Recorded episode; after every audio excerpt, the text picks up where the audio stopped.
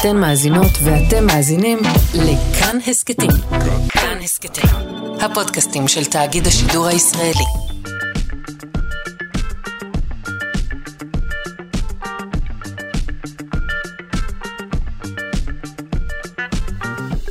שלושה שיודעים. ברוכים וברוכות המצטרפים והמצטרפות לשעתנו השנייה. שלושה שיודעים כאן, בכאן תרבות, 104.9 או 105.3 FM. כמדי יום רביעי, השעה הזו מוקדשת לנושא אחד, והיום אנחנו רוצים לדבר על המדינה הזו שאנחנו חוששים ממנה, היא משתלטת על כל מיני אזורים, היא מצליחה מדי. אנחנו רוצים לדבר על סין. אה, כבר ברגעים אלו מגיע לאולפנינו בירושלים הפרופסור יורי פינס, מהחוג ללימודי אסיה באוניברסיטה העברית, אה, ומיד נפנה אליו. אבל ראשית, נודה לעוסקים במלאכה, לעורכת אלכס לויקר, למפיקה תמר בנימין, אה, למבצע הטכני אלון מקלר, אה, וגם ליובל פיגדור על הסיוע.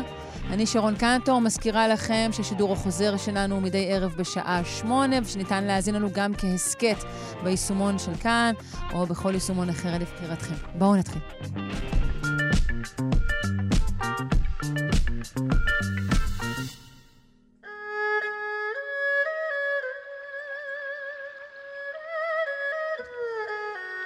היא המדינה בעלת האוכלוסייה הגדולה בעולם, המדינה הרביעית בשטחה בעולם, הכלכלה השנייה בעוצמתה בעולם, אבל אנחנו מתקשים לקבל את השגשוג שלה. בעיקר בגלל השוני העמוק והרבה מאוד חוסר ידע.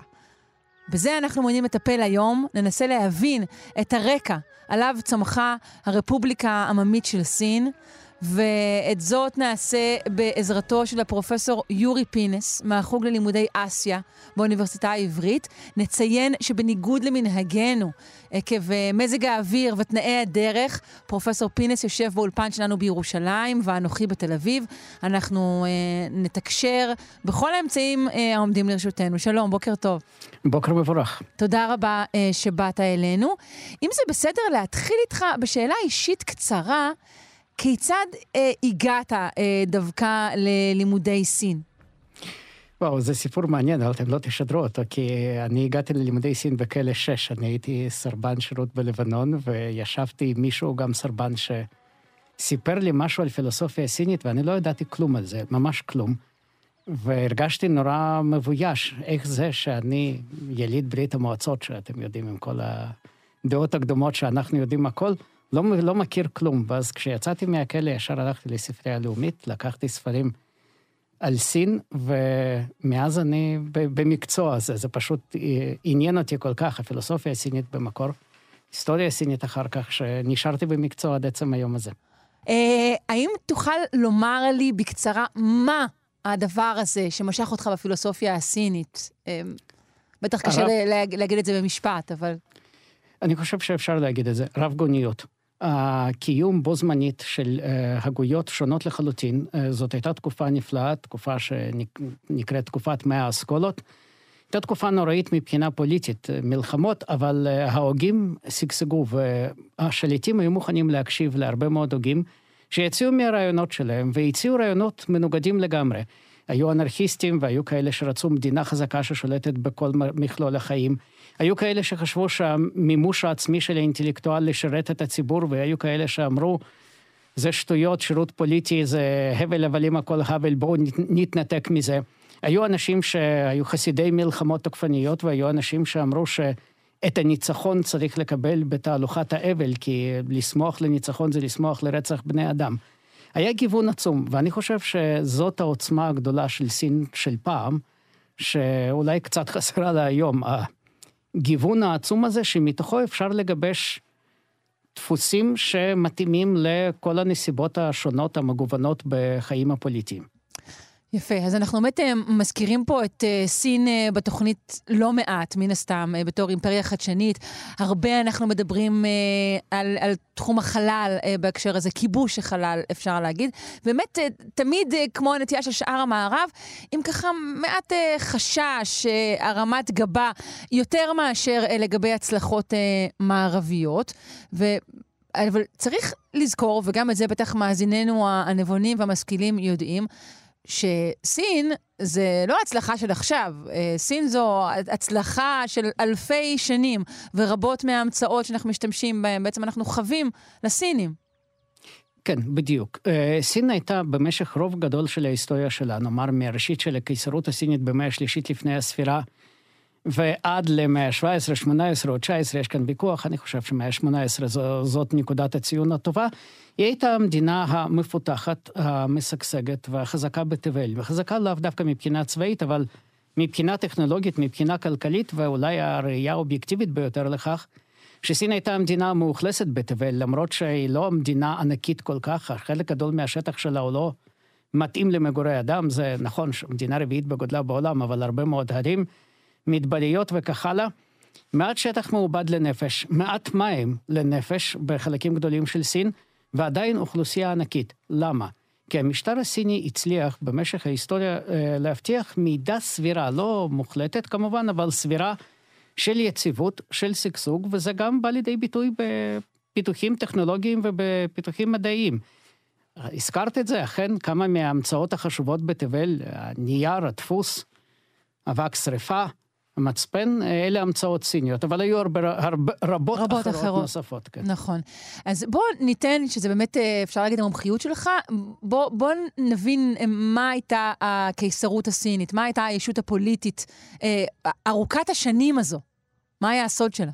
כן, הסוד שלה היה שהיא הוקמה היא תוכננה לפני שהיא הוקמה. ברוב גדול של הקיסרויות המוכרות לי בעולם, ואני חושב שאני מכיר לא מעט, בדרך כלל אה, מדינה אחת משתלטת על השכנות שלה, מתרחבת, ואז אנחנו מחליטים שאנחנו קיסרות, כי אנחנו כבר כל כך גדולים, אנחנו שולטים בכל התבל המוכר לנו, או בחלק גדול של התבל המוכר לנו, ואנחנו ממציאים אידיאולוגיה שתצדיק את זה. כלומר, אנחנו, אנחנו אימפריה מעצם היותנו אימפריאליסטים, אפשר אה, לומר. אפשר okay. לומר. כן. אתה, ההצלחה, אתה צריך אחר כך להצדיק את ההצלחה שלך. Okay. כן. עכשיו, במקרה של סין זה היה אחרת.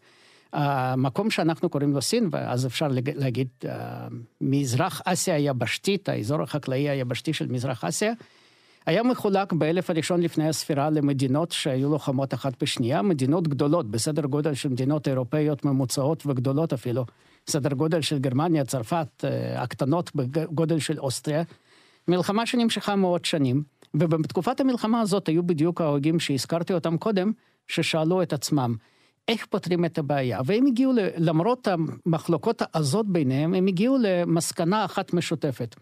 היציבות באחדות.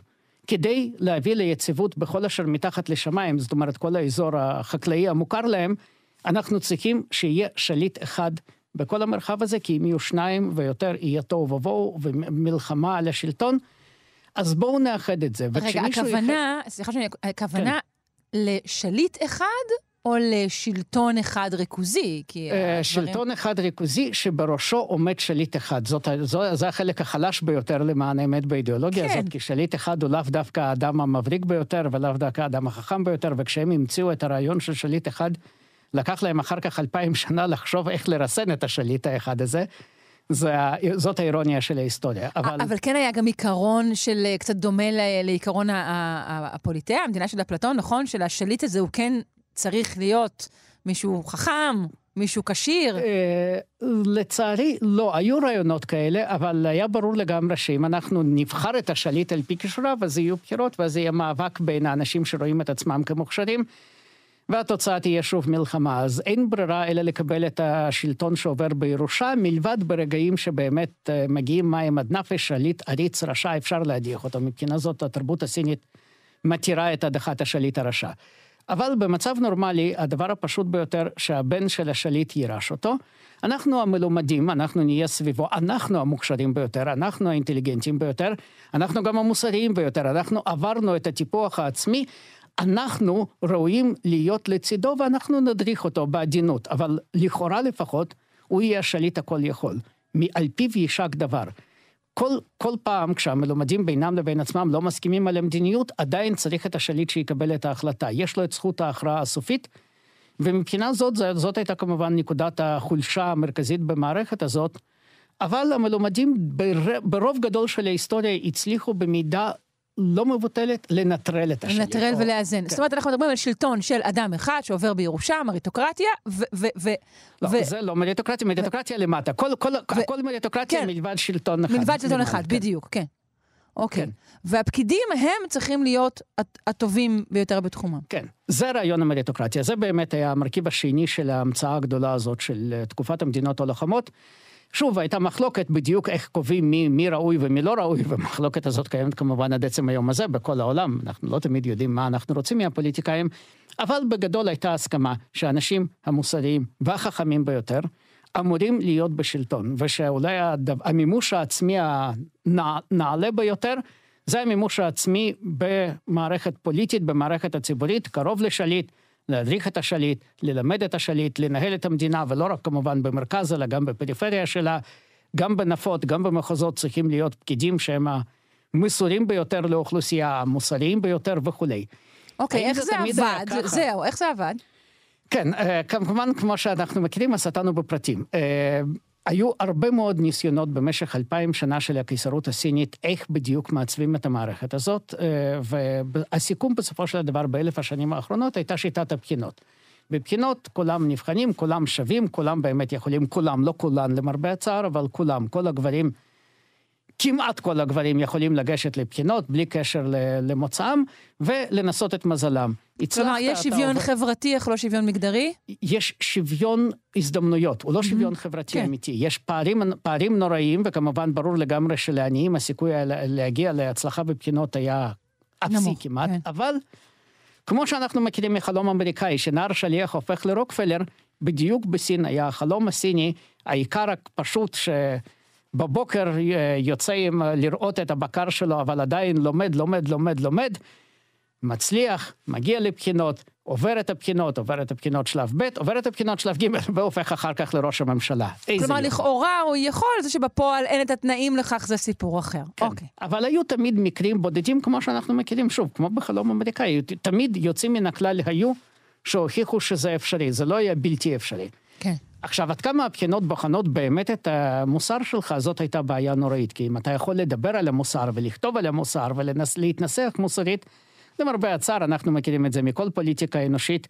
יש הרבה אנשים שיודעים להתנסח מוסרית, זה לא אומר שהם מוסריים באמת. לא, גם השאלה היא על הגדרת המוסר של התרבות שבה אתה נמצא, גם לא, לא כל אה, אמות המוסר הן זהות. יוצא מן הכלל, הרעיון המרכזי שזה חוסר אנוכיות. זאת אומרת, אתה לא עובד למען עצמך, אתה לא עובד כדי להתעשר, אתה לא, אתה לא מכהן במשרה רק כדי uh, שהמשפחה שלך תחיה, תחיה באושר, אלא אתה מסור לכלל, אתה מסור לכלל האוכלוסייה, לנתינים, לבני העם, אתה חייב לדאוג להם כמו, אבא, כמו שאבא דואג לילדים, זה המבנה, זה המרכיב השלישי של המשטר הסיני, משטר פטרנליסטי, זה משטר ש... במידה מסוימת אפילו עד עצם היום הזה, משטר שדואג לאוכלוסייה ולא רוצה שהאוכלוסייה תשתתף במערכת הפוליטית בעצמה, אבל לאוכלוסייה מגיע בהחלט לחיות טוב, ואם היא לא חיה טוב, היא עלולה להתמרד, וזה יהיה מאוד מאוד לא נעים לכולם. כך שבמידה מסוימת, שוב, במידה מסוימת, לא צריך להגזים ולא צריך להריץ את זה יותר מדי, אבל במידה מסוימת אין ספק שהפקידים הסינים דאגו. דאגו לפיתוח מערכות ההשקיה, דאגו לגידולים חדשים, דאגו להתאמת מערכת המיסוי ככה שלא יחסלו לגמרי את העיקרים, את בעלי המשקים הזעירים. וכמו שאמרתי, זה עבד. העובדה שסין הייתה המדינה המאוכלסת בתבל, זה בין היתר בגלל שהמערכת השלטונית הייתה מאוד מודעת שצריך להבטיח שגשוג של המשקים הזעירים, שגשוג של העיקרים, כי בלי זה העיקרים עלולים להתמרד. עד כמה אה, הדבר הזה כולו נשען על אה, תורת קונפוציוס? נובע ממנה? כן, בעיקר ברמה הצהרתית זה מאוד אה, נגזר מתורת קונפוציוס, או מהחלקים הטובים של תורת קונפוציוס. לתורת קונפוציוס יש שני מרכיבים, המרכיב היפה והנעלה הזה של אנשי המעלה, וזאת, אבל זאת תורה של אינטלקטואלים למען האינטלקטואלים. היא מלמדת אותך שאתה צריך כל הזמן לעבוד על עצמך, לטפח את עצמך, אתה כל הזמן צריך ללמוד ואתה צריך כל הזמן לשפר את עצמך ולהקפיד על ההליכות אפילו בשבתך בדת. זאת אומרת, אתה יושב לבד בחדר, עדיין אתה צריך להתנהג ולחשוב באופן מוסרי, אידיאל מאוד מאוד יפה. מסור לכלל, מסור לשליט, אתה יכול לבקר אותו, חייב לבקר אותו, אבל אסור לך למרוד בו או לבגוד בו, זה, זה בוודאי לא. כל הדברים האלה הם מאוד יפים, וזה המרכיב המהותי מאוד של התורה הקונפוציאנית, המרכיב המרכזי, שאכן עיצב במידה גדולה מאוד את עולמם של המלומדים. אבל, השד הוא תמיד בפרטים, כשהתורה הקונפוציאנית התחילה להיות אה, יותר חזקה והחלו להפיץ אותה כלפי מטה, כלפי מטה, את יודעת, את לא יכולה להגיד לכל עיקר שאתה צריך להיות מלומד גדול ולעבוד על עצמך, לעיקר גם אין זמן וזה גם לא כל כך אכפת לו. אז תרגמו את התורה הקונפוציאנית למשהו שיהיה מובן לפשוטי העם, ולמרבה הצער, התרגום הזה לא היה טוב. זה תרגום במידה גדולה ברמה הזאת שהילד צריך לציית להוריו, והנשים צריכות לציית לגברים. אה, וזה הסיכום, וזה הסיכום שגרם בסופו של דבר גם להסתאבות אינטלקטואלית בסין, גם לאובדן היוקרה של התורה הקונפוציאנית בראשית המאה ה-20, אה, וגם במידה גדולה זאת המועקה שגם היום האנשים שרוצים להחיות את התורה הקונפוציאנית או את המרכיבים החיוביים שלה צריכים להתמודד גם עם קיומם של המרכיבים השליליים. אין מה לעשות. אז אנחנו אומרים אה, שהשלטון הזה של שליט יחיד שמוקף אה, באמת בפקידים הטובים בתחומם, הוא שלטון שרוב הזמן אה, הצליח, אבל לפרקים כן סין נכבשת, יש מרידות, ועדיין כל פעם חוזרים בחזרה לאותו המבנה?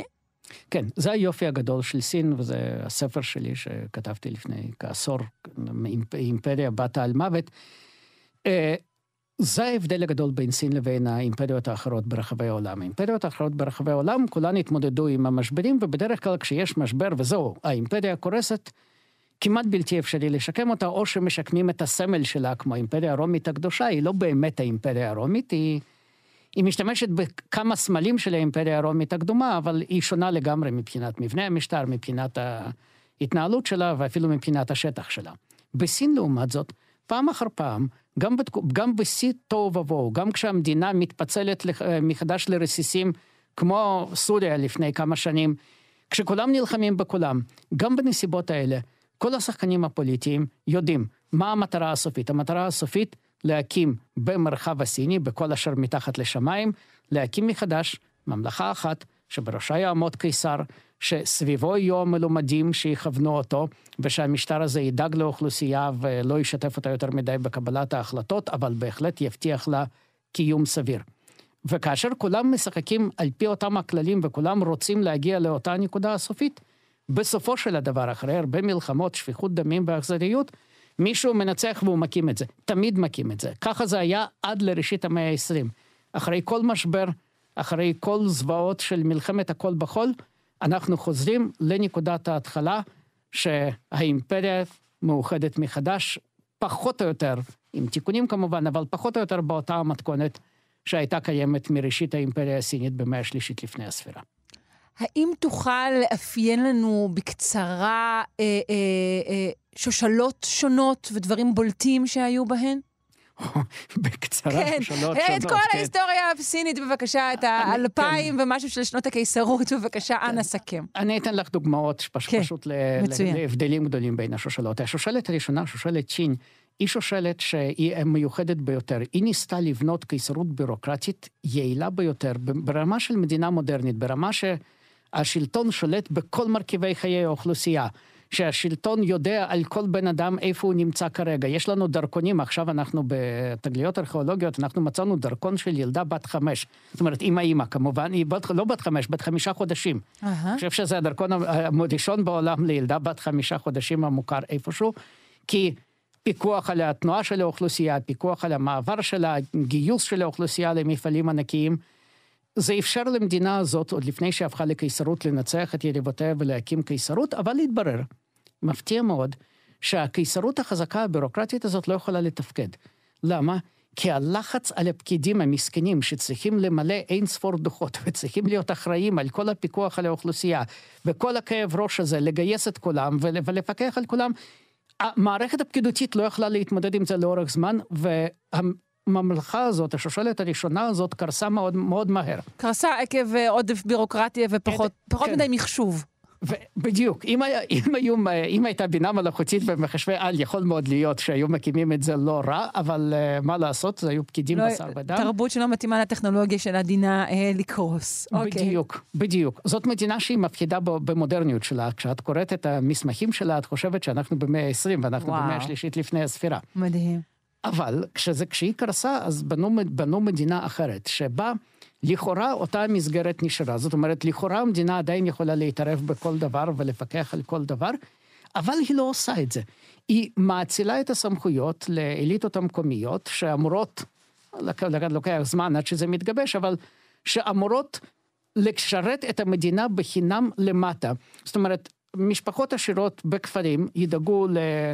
תברואה בכפרים, ידאגו לתחבורה בכפרים, ידאגו למפעל המים הקטן, כי לא צריך להביא את המדינה לזה, ידאגו לביטחון, שלא יהיו ליסטים ולא, ולא יהיו אה, מאבקים יותר מדי חזקים בין, בין האיכרים לבין עצמם, ידאגו לסדר הציבורי, ידאגו להכל בחינם מתוך מסירות שלהם לאותה אידיאולוגיה קונפוציאנית, mm. שאם אני לא פקיד אני עדיין יכול לתרום משהו לחברה. פילנטרופיה בכפייה כזאת, אוקיי.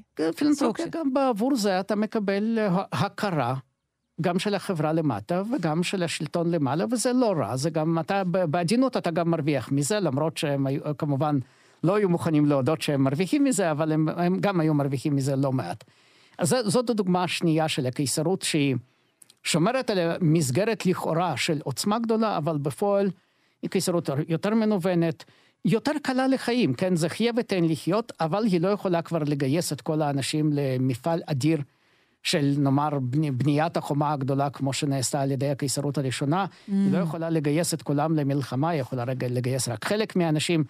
היא גם לא יכולה לגייס את כל המשאבים שלה לאיזשהו, לאיזושהי התמודדות עם אתגר חיצוני, ובגלל זה הקיסרויות הסיניות המאוחרות יותר לא פעם נופלות קורבן לכובשים שבאים בדרך כלל מן הערבה הגדולה, מי הערבה, בשני הימים החשובים לצורך העניין, זה גם סיום של הדיון על השושלות הסיניות. זה המונגולים שכובשים את סין במאה ה-13, ואחר כך העם שבעברית בדרך כלל אה, קוראים לו מנצ'ורים, אבל זה מנג'ורים צריך לבטא, העם גם כן מצפון מזרח סין שכובש את סין במאה, את כל סין. במאה ה-17 מרחיב מאוד את הגבולות של שושלת צ'ינגה, שושלת הקיסרית האחרונה, המוצלחת ביותר. אז היא בעצם, אז היא בעצם אה, מנג'ורית, כמו שיש כן, לומר. כן, בדיוק. היא שושלת מנג'ורית, היא שושלת זרה, אבל הם היו אנשים מופלאים, הם למדו את התרבויות של הנתינים המתורבתים יותר, והם ידעו להציג את עצמם כלפי סינים כקונפוציאנים גדולים, כלפי טיבטים כחסידים של הבודהיזם הטיבטי, כלפי מונגולים כצאצאים של צ'ינגיס חאן, ואז כולם שמחו, כן, זה היה, זה היה איזה יופי. שליט כן. הוורסטילי, אוקיי. קיסרות של כל, נת, כל, כל נתיניה, כן, כך, ככה זה עבד. בוא נתאר את uh, קץ הקיסרות. למה זה קרה? קץ הקיסרות, בגלל שהייתה מוצלחת מדי במאה ה-18, פתרה את מרבית הבעיות, גם הבעיות הפנימיות וגם הבעיות החיצוניות, הרחיבה מאוד את הגבולות, אפילו עם מעט מאוד אה, אובדן חיי אדם במלחמות. איזה יופי. ואז אנחנו הכי טובים, אנחנו הכי מוצלחים, ואין לנו יותר יריבים ואין לנו יותר אתגרים, ואנחנו יכולים לנוח על זרי דפנה, וכמובן אנחנו לא צריכים לשים לב שבקצה האחר של היבשת האירו-אסיאתית יש את הברברים המערביים האלה שהולכים ומתחזקים. זה לא שבסין לא ידעו על זה, אבל הם חשבו, נו טוב, זה כל כך רחוק, וזה לא משנה. ואנחנו כבר אלפיים שנה, הקיסרות שלנו שולטת, ואנחנו בנינו כרגע את הקיסרות הטובה ביותר מזה אלפיים שנה. למה לנו להטריח ולשים לב למה שקורה בקצוות המרוחקים של העולם?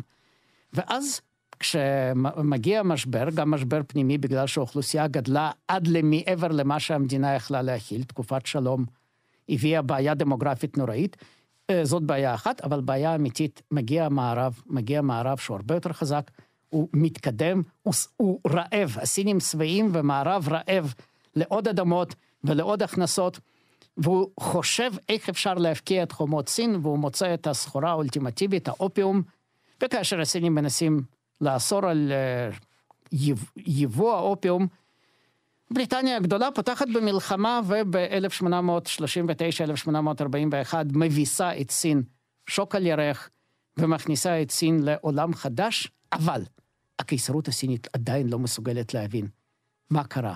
זה כל כך מדהים מבחינתם שאיזה שהם ברברים מעבר לים, עם קומץ חיילים מביסים את הקיסרות הגדולה בתבל, הם חושבים כל הזמן, זו טעות, זה לא יכול להיות, זו תקלה. גם כשהשליחים הראשונים הסינים לבריטניה אומרים, תסתכלו, בריטניה מתקדמת מאיתנו מבחינה כלכלית, איך יכול להיות? הם הרי לא קונפוציאנים, נכון? זה לא יכול להיות. שאננות, דומה קצת לארצות הברית של היום. אה, כשאתה יותר מדי מצליח, אתה הופך לשאנן, אתה נאטם לאפשרויות שאתה צריך לשנות את הכל מן היסוד, שאולי המערכות שעבדו פעם נפלא לא עובדות. אתה יותר מדי מאמין לתעמולה של עצמך שהכל בסדר, וכשהכל לא בסדר, אתה כל הזמן אומר, טוב, זו, בעיה קטנה, זו בעיה שאנחנו עוד מעט נתקן. זה פקיד מסוים שסרח, זה גנרל מסוים שכשל.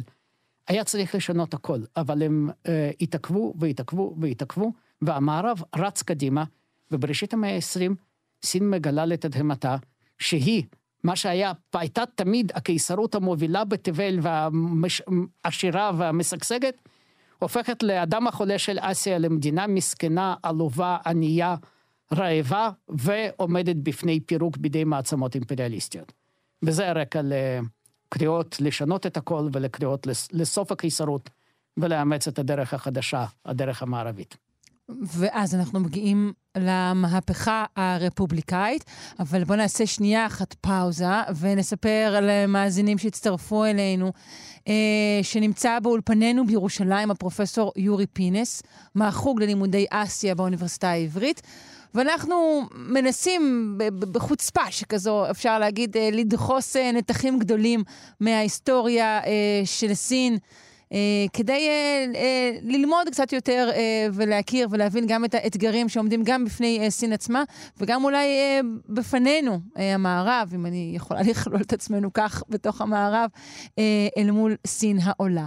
אז עצרנו בנפילת הקיסרות הסינית, בסוף תור הזהב הסיני הראשון, אפשר לכנות אותו, שכן תור הזהב השני, אולי זה ימינו אנו. ואנחנו רוצים לדבר על המהפכה הרפובליקאית. אה, מי הוביל את המהפכה הזו? טוב, אה, ההצהרה של המהפכה הזאת, שמי שהוביל אותה הוא ממש בקושי ידע שהיא מתקיימת. היה האדם הזה בשם דוקטור סון יצן, שהוא היה אה, קצת הקדים את כולם, הלך ללמוד רפואה בהוואי, למד שם, התנצר, למד שם קצת את היסודות של התרבות הפוליטית המערבית, והוא היה הראשון, בסוף מאה ה-19, עדיין קול קורא במדבר, להגיד, אנחנו צריכים לשנות הכל, אנחנו לא צריכים קיסרות, אנחנו צריכים רפובליקה אולי. אה, בראשית המאה ה-20, כשהקיסרות כשלה עוד פעם במלחמה נגד כל העולם המערבי, מה שנקרא מלחמת הבוקסרים, שזה לא הזמן לדבר עליה, אבל אחרי הכישלון הזה, פתאום הקולות האלה של ההזויים שאמרו, צריך לשנות את הכל, הפכו לקולות הרבה יותר חזקים, הרבה יותר מהדהדים. אבל סון יצן לא הצליח לארגן ארגון משמעותי, הוא היה דמות שולית. מה שכן קרה, שהאליטות, שתמיד תמכו בקיסרות, שבמשך אלפיים שנה תמכו בקיסרות, ויהי מה, האליטות האלה הבינו שהקיסרות לא מתפקדת, שהקיסרות מסואבת מדי, ושכנראה שצריך לשנות. וכשהאליטות בגדו בקיסרות, הקיסרות קרסה במהפכה שכמעט לא, איש לא ארגן אותה. זה היה ממש שורה של תקריות, זה דומה קצת לאביב הערבי, אם תרצי. משהו שאם איש לא תכנן את ההדחה של מובארק במצרים, או את, ה, או את מה שקרה בסוריה, זה התגלגלות של האירועים. ומכיוון. שהמקום כבר לא, לא חזק ומפורר כבר, אז אולי הדברים האלה, זה, המגדל הזה נופל ביתר קלות. בדיוק. כשהשלטון חלש בעצמו, לא צריך אפילו אה, גורם חזק כדי לק... לקעקע אותו, כל מה שצריך זה איזשהו זעזוע מקרי, ומגדל הקלפים קורס. אבל אז מתחילה הבעיה. בסדר, אנחנו לא רצינו קיסרות, זה דומה אגב שוב לאביב הערבי, אנחנו יודעים מה אנחנו לא רצינו, אנחנו לא רצינו שלטון מושחת, מסואב וכולי וכולי וכולי, על זה כולם מסכימים. מה אנחנו כן רוצים? או, מתחילה הבעיה. אה, רבים וטובים אומרים שצריך ללמוד מן המערב. אבל בדיוק מה זה ללמוד מן המערב? המערב באותם הימים זה לא מערב אחיד, אנחנו ב-1911 הוא קצת יותר אחיד מאשר כעבור כמה שנים, אבל יש לנו מערב ליברלי, ויש לנו מערב לאומני ומיליטריסטי, ויש לנו מערב דמוקרטי, ויש לנו מערב מרקסיסטי ומהפכני ואנרכיסטי גם, ואחר ולימים גם פשיסטי, ולכולם יש אולי פתרונות שאפשר ללמוד מהם, ואז בסין יש המון אנשים שרוצים ללמוד מהמון דפוסים של המערב. ויש גם ויכוח עד כמה אנחנו בכלל צריכים לשמור משהו מהדפוסים המסורתיים שלנו. רבים וטובים, כולל האינטלקטואלים הבולטים בסין בראשית המאה ה-20, אומרים, בסדר, התרבות שלנו המסורתית מיצתה את עצמה, לא מתאימה לעולם המודרני, לא מתאימה למלחמת השרידה, כן, דרווין נכנס כאן לתמונה, בואו נשליך אותה, בואו ניקח הכל מן המערב. ובמשך 30 שנה של הרפובליקה, 40 שנה של הרפובליקה כמעט, מ-1911 עד 49, במשך התקופה הארוכה הזאת, יש מאבק אדיר, כולל מאבק אלים מאוד בחלק מהתקופה, בין הקבוצות השונות שיש להם את החזון השונה, איך סין צריכה להתנהל. כולם מסכימים אגב על השורה התחתונה. כולם מסכימים שסין צריכה להישאר להיות מדינה מאוחדת, כולם מסכימים שסין צריכה להיות מדינה עשירה, וכולם מסכימים שסין צריכה להיות מדינה חזקה. אבל איך נשיג את זה? המחלוקת הזאת גורמת למלחמת אזרחים פרמננטית, שבסופו של הדבר, כפי שכולם יודעים, מנצחת המפלגה הקומוניסטית, שנתנה את הפתרונות הטובים ביותר בתקופה הקשה הזאת, ומאמינה שיש לה את הדרך לשקם את סין, ובמידה לא מבוטלת מצליחה. ומה הוא כבר עומד בראשה, נכון? הוא כן. אותו בן איכרים, יש לציין, אם דיברנו מקודם על שוויון ההזדמנויות?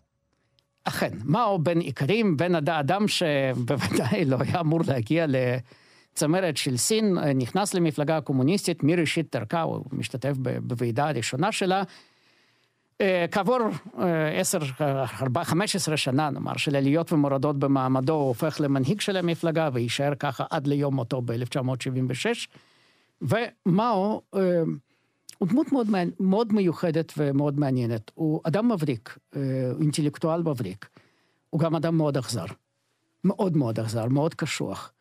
הוא אדם שמצד אחד מאוד פתוח ומוכן לשנות וללמוד מהטעויות שלו, ולפעמים לעשות שינויים דרמטיים ביותר במדיניות שהוא אימץ קודם, אבל זה גם אדם שלימים, כשהוא כבר יהיה בשלטון, יסתאב. יאמין יותר מדי בזה שהוא באמת המשיח שפותר כן, שהוא באמת את כל צאל. הבעיות. Uh-huh. כן, ז, זאת בעיה כשאתה מאמין לתעמולה של עצמך, ואז הוא יעשה צרות נוראיות. עשרים השנים האחרונות שלו, הוא כמעט מוטט את כל מה שהוא בנה בעשורים הקודמים. אומרת, הוא עלה לשלטון אחרי מאבק איתנים ב-49, מלחמת האזרחים הסתיימה, גם ניצחון היה בדרך על הכיבוש היפני, על מלחמת ההתנגדות ליפן, לא נזכיר אותה, אבל הייתה משמעותית מאוד. 49 מה עולה לשלטון, הכל נפלא. הוא משקם מהר מאוד את המדינה המסודרת, בלי, בלי אנשי צבא שקרעו את הרפובליקה הסינית לגזרים. בלי, בלי אותם הגנרלים החמדנים, והכל הכל מתנהל בסדר, הכלכלה משתקמת, הכל, ואז הוא מאמין, נוכל להביא עכשיו את גן העדן הקומוניסטי כמה שיותר מהר. וככל שהוא מנסה להאיץ את הקצב, המציאות הכלכלית לא פועלת על פי האידיאולוגיה, ומאו מאבד את הפרגמטיות המפורסמת שהייתה לו בתקופה של המאבק על השלטון. הוא הופך לפחות פרגמטי, ליותר דוגמטי, יותר מאמין בסיסמאות, ומוביל את המדינה לשני אסונות נוראים, לקפיצה גדולה קדימה, שגרמה למותם מרעב של בין 15 ל-30 מיליון, תלוי איך סופרים וכך הלאה של העיקרים, אבל זה לא משנה איך סופרים, זה מספר מפלצתי. הרעב היחיד בסין העממית. ואחר כך מהפכת התרבות הפרולטרית הגדולה, שמאו מנסה ליצור אדם חדש.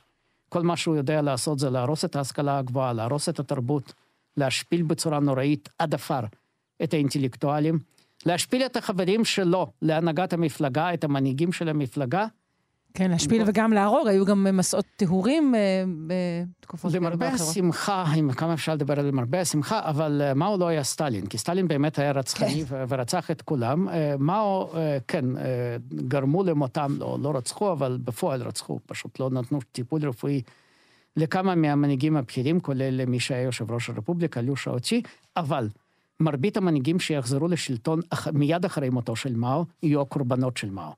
וזה, את לא יכולה לדמיין את סטלין מת ובוכרין נאמר חוזר לשלטון ומנהל את המדינה מחדש. אצל מאו זה קרה, מי שחזר לשלטון זה דנג שיאופינג שהיה קורבן מספר שתיים, לא, לא דמות שולית. קורבן מספר שתיים של מהפכת התרבות הפרולטרית הגדולה, אדם שהילד שלו נזרק מהקומה הרביעית ונשאר נכה לצמיתות, זאת אומרת, אדם שעבר השפלות נוראיות, הוא חוזר לשלטון. והוא, והוא עושה את התיקונים שמאו פחד מהם, מאו ידע ש... חבריו רוצים ללכת בדרך היותר קפיטליסטית. הוא ניסה לעשות מהפכת תרבות כדי שלעולם לא תהיה הדרך הזאת ישימה בסין. וכמו בטרגדיות הקלאסיות, ככל שאתה מנסה למנוע את הטרגדיה, ככה אתה מקרב אותה. כן, ככל תובעני. כן, אה, בדיוק. אבל בעצם לא, לא ממש התעכבנו על זה, שאחרי אלפי שנות uh, קיסרות, שבעצם קידשו את, ה, את השלטון היחיד, את, ה, את מה, ש, מה שקראת לו uh, uh, uh, uh, באמת uh, גורם מאחד, אפשר להגיד, שוב, על אף המהפכה, בעצם סין ממשיכה עם מודל אחר שהוא כזה, של שלטון יחיד. ממה זה נובע? את נורא צודקת, אה, וכאן צריך לחזור אולי לכמה שנים שהם ניסו לעשות משהו אחר. מיד אחרי המהפכה הרפובליקאית היו ניסיונות גם של אה, דמוקרטיה, של פרלמנט, של בחירות כלליות, ואז התברר מהר מאוד שרעיונות של דמוקרטיה הם מאוד יפים, ורעיונות של חוקה מאוד יפים, וכולם האמינו בחוקה ובפרלמנט ובנשיא וכך הלאה, אבל במדינה, במדינה ענקית, שיש בה הרבה כוחות פוליטיים מנוגדים, אתה צריך מישהו שיש לו את הסמכות של הפוסק האחרון, הסופי, המוחלט, האולטימטיבי. מישהו שברגע שהוא אומר לכל הצבאות השונים שאז היו בשטחה של סין, להניח את הנשק, כולם יניחו את הנשק. מישהו שאומר להתקיף, יתקיפו, ולס... ולסגת ייסוגו. וכל עוד לא חזרנו לדיקטטורה, וזה היה מאוד עצוב, כי היה ניסיון לבנות אה, דמוקרטיה או שלטון יותר, יותר מבוזר בסין, הניסיון הזה גרם למלחמת אזרחים, למלחמת הכל בכל. כי כל אחד טען שאני יודע בדיוק מה החוקה רוצה, אבל החוקה לא יכולה לדבר, את יודעת. כן. מישהו צריך לפרש אותה, ואם אנחנו, אנחנו לא נדבר על בעיות אחרות, אבל uh, כשיש מחלוקת על מבנה המשטר, ואין אדם אחד שיש לו את הסמכות העליונה, זה עלול להיות מאוד קטלני, במיוחד כאשר יש הרבה גנרלים שחושבים שגם להם יש הרבה מה להגיד, והצבאות שלהם מצייתים לגנרלים ולא לאף אחד אחר. אז uh, הדיקטטורה התחילה לחזור עוד לפני מאו, היה אדם בשם צ'אן קיישק, שמאו הדיח אותו בסופו של דבר, אבל צ'אן קיישק היה זה שב-28, ב-1928, במידה מסוימת הצליח לאחד חלקים גדולים של סין, ומהר מאוד פיתח את הדיקטטורה האישית שלו, שלא הייתה יותר מדי חזקה, ולא, ובגלל זה הוא הודח בסופו של דבר במאבק איתני מול מאו. מאו למד את הלקח, ובהדרגה ריכז את כל הסמכויות בידיו. כמובן שזה לא שלטון תורשתי למרבה השמחה, וזה היתרון הגדול של השלטון החדש. זה שלטון שגם מאז מותו של מאו, הם, הקומוניסטים בסין הבינו שאי אפשר שהשליט יישאר לכל החיים בשלטון, כיוון שמאו כבר היה זקן וגוסס ובקושי מתפקד, לא יכול היה לדבר, אבל עדיין היה שליט יחיד, זה בלתי אפשרי, זה פשוט מלמד אותנו עד כמה שלטון יחיד זה דבר רע. ואז אה, ניסו לתקן את זה. הנשיא הנוכחי, דרך אגב, מתקן את זה בכיוון ההפוך, קצת יותר לכיוון של ריכוז סמכויות, אבל עדיין, הוא ממש לא מהו. הוא עדיין נשלט על ידי הכללים שבהם יש את הלשכה הפוליטית של המפלגה הקומוניסטית, יש ועדה מתמדת שלה, זה מין קיסר קולקטיבי, יש ראשון בין השווים, אבל זה ראשון בין השווים, זה לא הדיקטטור הכל יכול כמו מהו. אה, אבל הם לא בוחרים אותו, נכון? לכאורה בוחרים אותו, אבל את יודעת, הבחירות, אה, בכנות, מה זה הבחירות במדינה של מיליארד ארבע מאות מיליון אנשים? זאת אומרת, זה תמיד הרי תהיה מניפולציה כלשהי. מה הבחירות במדינה ענקית? אז או שכלי התקשורת עושים מניפולציה, או שבעלי הון עושים מניפולציה, או שמפלגה קומוניסטית עושה מניפולציה. מישהו יעשה, אין סיכוי הרי שרוב גדול של אנשים יכירו. אה, אין, אין סיכוי אפילו ש... יותר ממאה אנשים, מי יכול להכיר באמת את האדם שאנחנו מצביעים בעדו? כלומר, אתה גוזר הרבה מאוד מהאמירות שלך לגבי השלטון בסין, הן נגזרות בעצם מגודלה. בוודאי. אני חושב שזה ההבדל, וכשהזכרת את אפלטון ואת המדינה של אפלטון, אולי כדאי מאוד להזכיר. התרבות הפוליטית המערבית אה, עוצבה ביוון, שהייתה במקור מורכבת מערי מדינה, גם אריסטו וגם אפלטון, לא כותבים על אימפריה, הם כותבים על עיר מדינה, והם כותבים על איך להיות אזרחים וכל הדברים הנפלאים האלה. פתרונות לאלפי איש, לא למיליונים כן, ולמיליארדים. כן, כן. Mm-hmm. ובמדינה ענקית, כמו בגודל של סין, את צריכה לחשוב איך לשלוט בשטח הנרחב הזה, ואיך אנשים שנמצאים במרחק אלפיים או שלושת אלפים או חמשת אלפים קילומטר מבייג'ינג, יש עיר קשגר במערב סין שיותר קרובה לירושלים מאשר לבייג'ינג. אז איך את גורמת לאדם שיושב בקשגר לפני התקשורת המודרנית ולפני האמצעים הטכנולוגיים העכשוויים, איך את גורמת לו לציית למי שיושב בבייג'ינג במרחק של חמשת אלפים קילומטר פלוס? אז זאת, זאת, זה האתגר, זה אתגר שלא אפלטון ולא אריסטו לא פתרו אותו, ואני חושב שיש בכלל בתרבות הפוליטית המערבית, יש בעיה מסוימת, לא חשבו כל כך על העניין הזה של, שהרעיון של אזרחות הוא רעיון נפלא, אבל הוא רעיון שבמקור פוליס זאת עיר מדינה, ופוליטיקה היא אומנות של שלטון בערי מדינה. בסין זו קיסרות, וצריך כנראה לחשוב על דפוסים שיתאימו לה, שהם לא חייבים להיות מסורתיים סינים, אבל הם גם לא יכולים להיות לגמרי מערביים מודרניים. כן. אני חושבת שאחד הדברים שהכי ככה טורדים את, את, את המנוחה, או קשים להבנה, אה, לצד העלייה הכלכלית המדהימה של סין, היא באמת הסתירה הזו בין קומוניזם לקפיטליזם. אנחנו לא מצליחים באמת להכיל את זה. זה נורא מעניין, כיוון שבמקור מי שהיה אמור לא להכיל את זה, זה, זה הסינים עצמם. אה, מאו, בשביל מאו מילת קפיטליזם הייתה מילת גנאי. כשהוא טיהר את החברים שלו והשפיל אותם במהפכת התרבות, ההאשמה הגדולה הייתה שהם הולכים בדרך הקפיטליסטית. כשדנג שיאופינג, הקורבן שלו, עלה לשלטון, הוא אמר את האמרה שאולי כדאי ללמוד אותה לכולם. לא משנה אם החתול הוא שחור או לבן, כל עוד הוא לוכד עכברים זה חתול טוב. לא משנה איך תקראי למדינה, קפיטליסטית או קומוניסטית. יש מדינה שמתפקדת ויש מדינה שלא מתפקדת. זה בכלל לא משנה אם המשטר הוא דמוקרטי או אוטוריטרי. יש משטר שמאפשר לאנשים לחיות טוב יותר, ויש משטר שלא מאפשר. ואנחנו חושבים, ואנחנו צריכים אה, לא, לפתור את הבעיות. אני בטוחה שבמערב, זה שעקרון החירות הוא העקרון המקודש ביותר. האמירה הזאת אה, לא, לא תיתפס בצורה כל כך טובה. אה, זה יפה מאוד. מה הם חיים שראוי לחייותם? זה דבר נפלא. שאלה, שאלה טובה מאוד ושאלה ראויה לדיון, אבל כמובן, אם המדינה, אם המדינה קורסת, אז זה חיים שאולי כולנו בני חולין, אבל כולנו נמות במלחמת אזרחים. תסתכלי על סוריה, כן, למען מל... באמת הדיקטטורה של אסד הייתה דיקטטורה נוראית, אבל מה, מה שהחליף אותה, עם כל האנשים שבאמת רצו להביא חירות, הייתה מלחמת אזרחים של הכל בכל, ושהיא הייתה הרבה יותר גרועה והרבה יותר קטלנית מכל דיקטטורה שהיא. בסין, בתרבות הפוליטית הסינית, הדבר הנורא ביותר זה לא עריצות, אלא אנרכיה, תוהו ובוהו, כשכולם הורגים את כולם.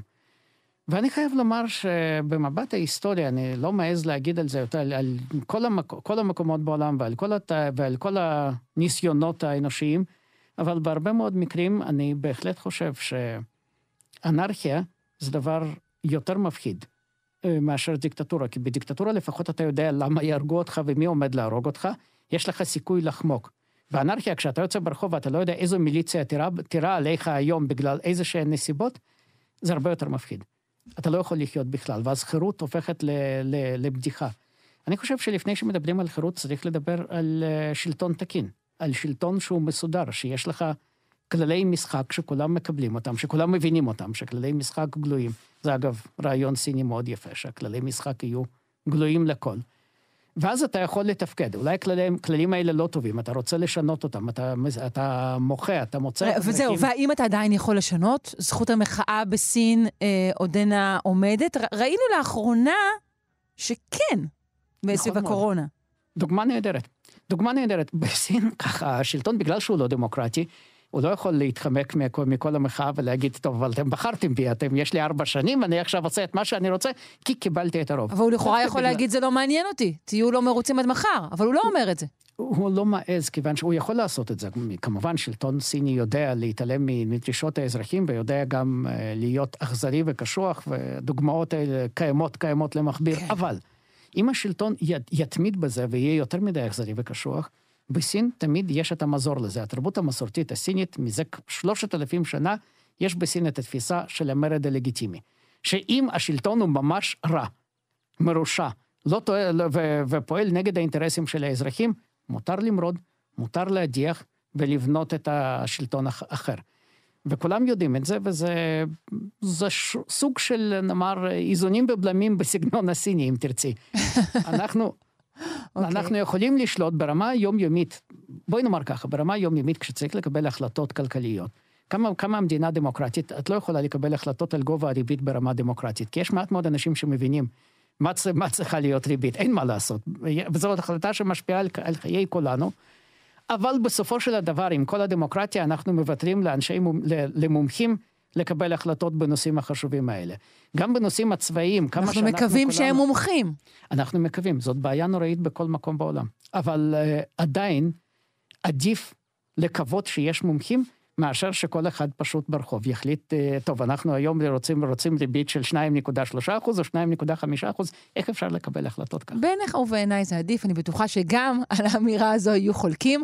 אה, בדקות המועטות שנותרו לנו, כי הזמן ממש רץ, אה, האם תוכל לפרוט בפנינו את, האתגרים העיקריים של סין היום, בשנים הקרובות?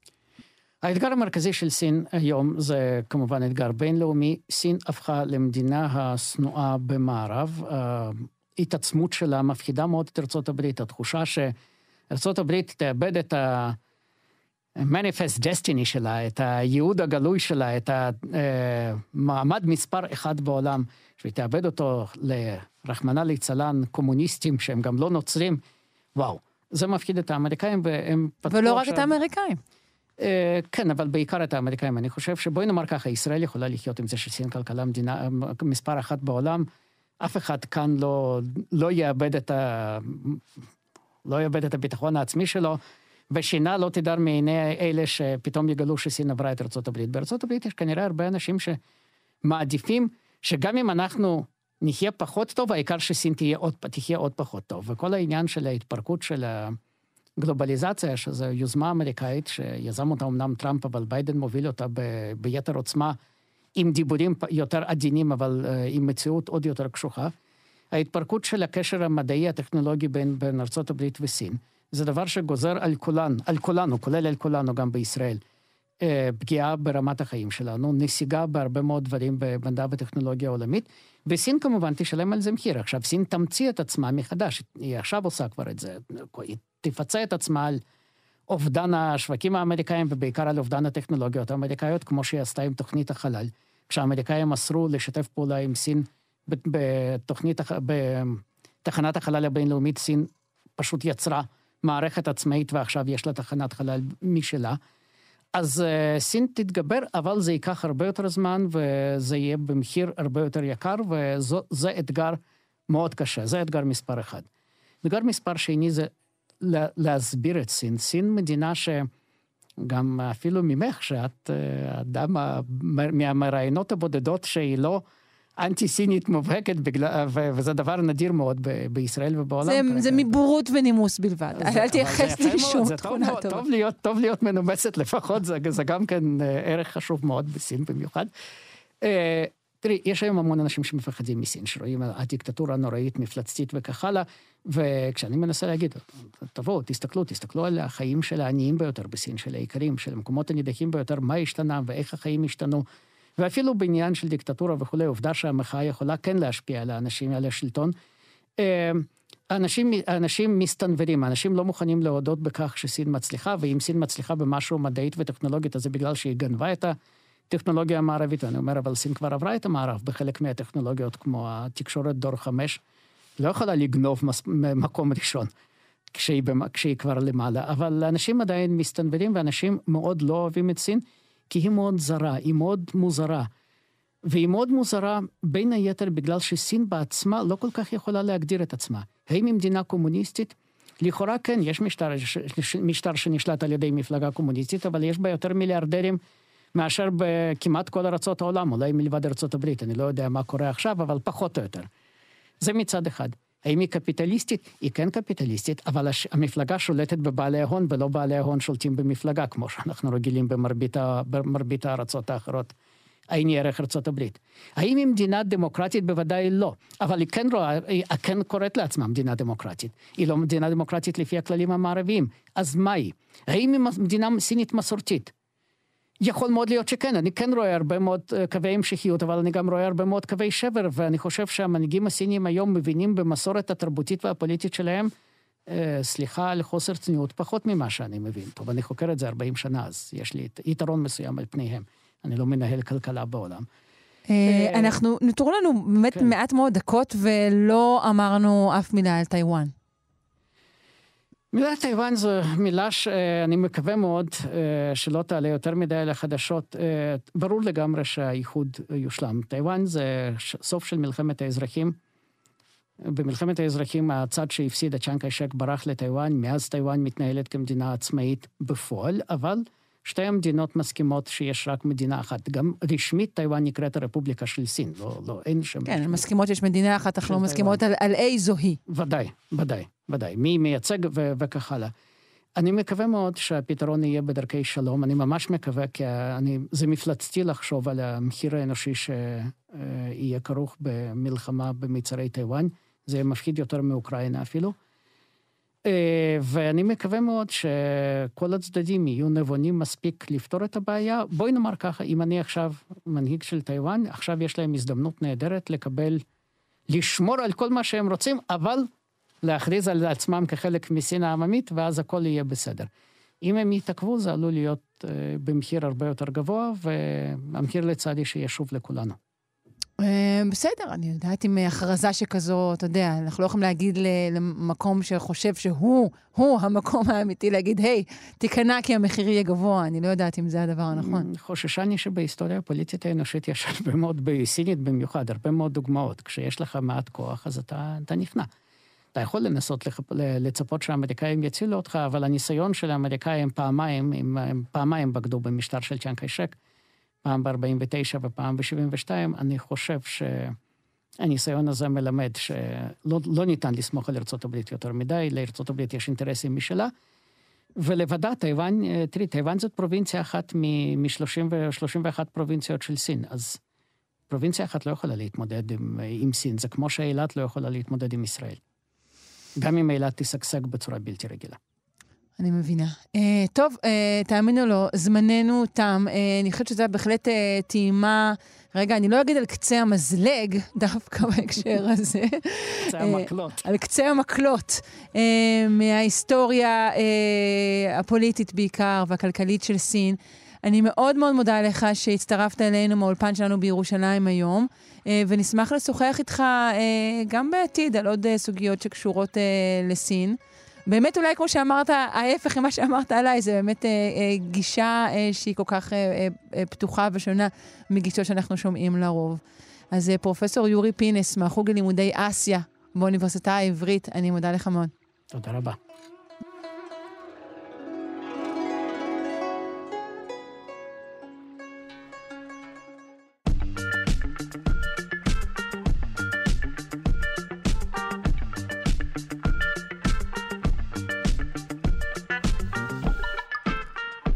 תמו להן שעתיים של שלושה שיודעים, אני מקווה מאוד אה, שנהניתם. אה, מחר נהיה כאן עם המיטב של שבוע זה. אה, אז בואו נודה לצוות שלנו, אה, לעורכת אה, אלכס לויקר, למפיקה תמר בנימין, למסייע אה, יובל פיגדור, והיום אני רוצה להודות תודה מיוחדת וגדולה מאוד אה, בשמי.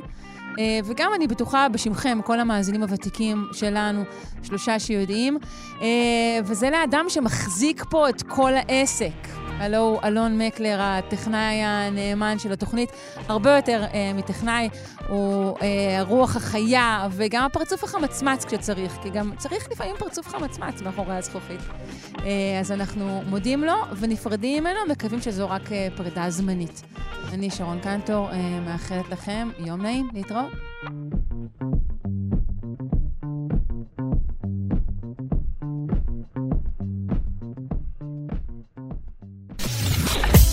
אתן מאזינות ואתם מאזינים לכאן הסכתים.